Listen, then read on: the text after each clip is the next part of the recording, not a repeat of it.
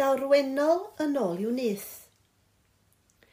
Mae Tanwen Wilkinson yn grochennydd ac artist gweledol o bentref Crai a Berhonddi.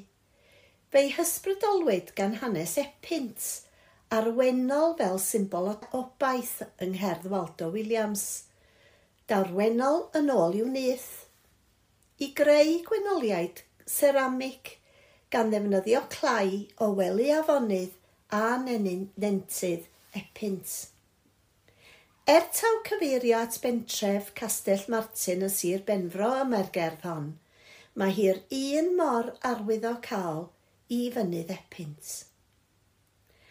Aeth dros 80 o flynyddoedd heibio, ers i 54 o deuluoedd dros 200 o blant ac oedolion, oedd yn ffermio epynt gael chwech wythnos o rybydd i adael eu cartrefi er mwyn i'r tir gael ei ddefnyddio ar gyfer ymarfer tanio.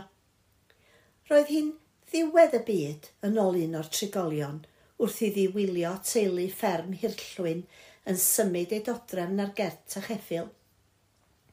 Mae'r fyddin yn dal yno hyd heddiw yn ymarfer lladd a pharatoi am ryfel, ond mae yna obaith y darwennol yn ôl i'w nyth ac y caiff y tir ei roi yn ôl at bwrpas adeiladol a chymunedol yn y dyfodol. Wrth grwydro epynt yn chwilio am glai, mae Tanwen yn aflonyddu ychydig ar y pryd uchaf ac yn casglu clwmp o glai oddi tano. Er mwyn profi taw clai ydyw, mae'n ei rholion siap selsig – i moldio'n bot, pinsio ac yn ôl wedyn i siarp selsig. Os yw'n dal i siarp, mae'n iawn i'w ddefnyddio.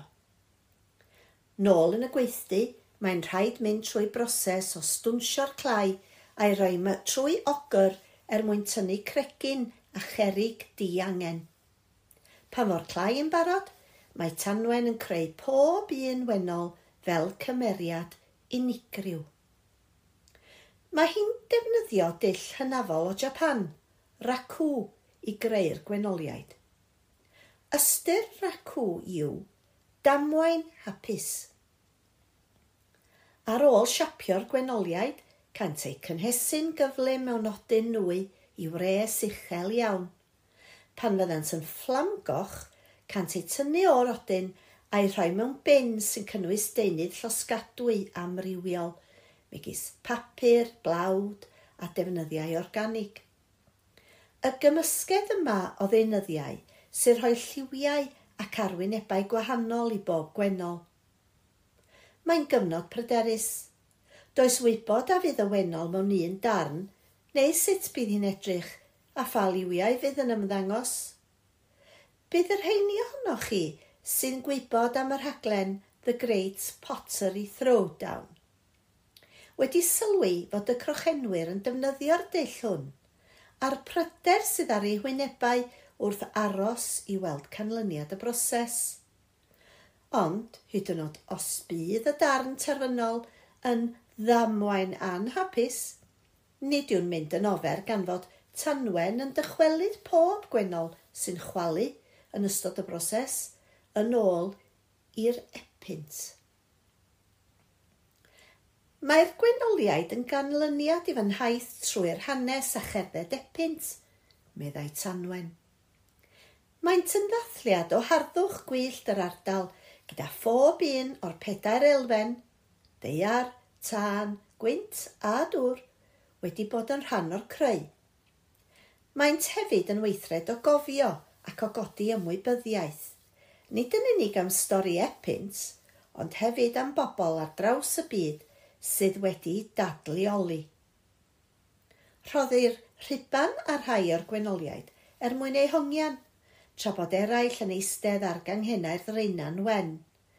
Mae pob gwenol yn hollol unigryw ac yn ymgorfforiad o brydferthwch a chalon tirlun mynydd epynt. Mae'r gwydredd racw yn ein hatgoffa o blu neu weithiennau neu wreiddiau – neu efallai ffurf ar fap. Ac mae'r gwenoliaid, wrth ddal anadl y gwynt, yn chwibiannu'r gobaith y cawn ni i gyd rhyw ddiwrnod ddychwelyd i fynydd epynt. Mae Tanwen yn cydweithio gyda chymdeithas y cymod ar y prosiect hwn. Mudiad sy'n gweithio at ddifila Cymru yw Cymdeithas y Cymod. Ac mae dychwelyd mynydd epynt i bwrpas heddychlon yn ganolig i hyn. Gallwch ddarganfod mwy am waith Cymdeithas y Cymod ar ei gwefan gymdeithasol cymdeithasacymod.cymru neu e-bostiwch cymdeithasacymod un gair at gmail.com i drefnu rhywun i ddod i siarad ag unrhyw gangen.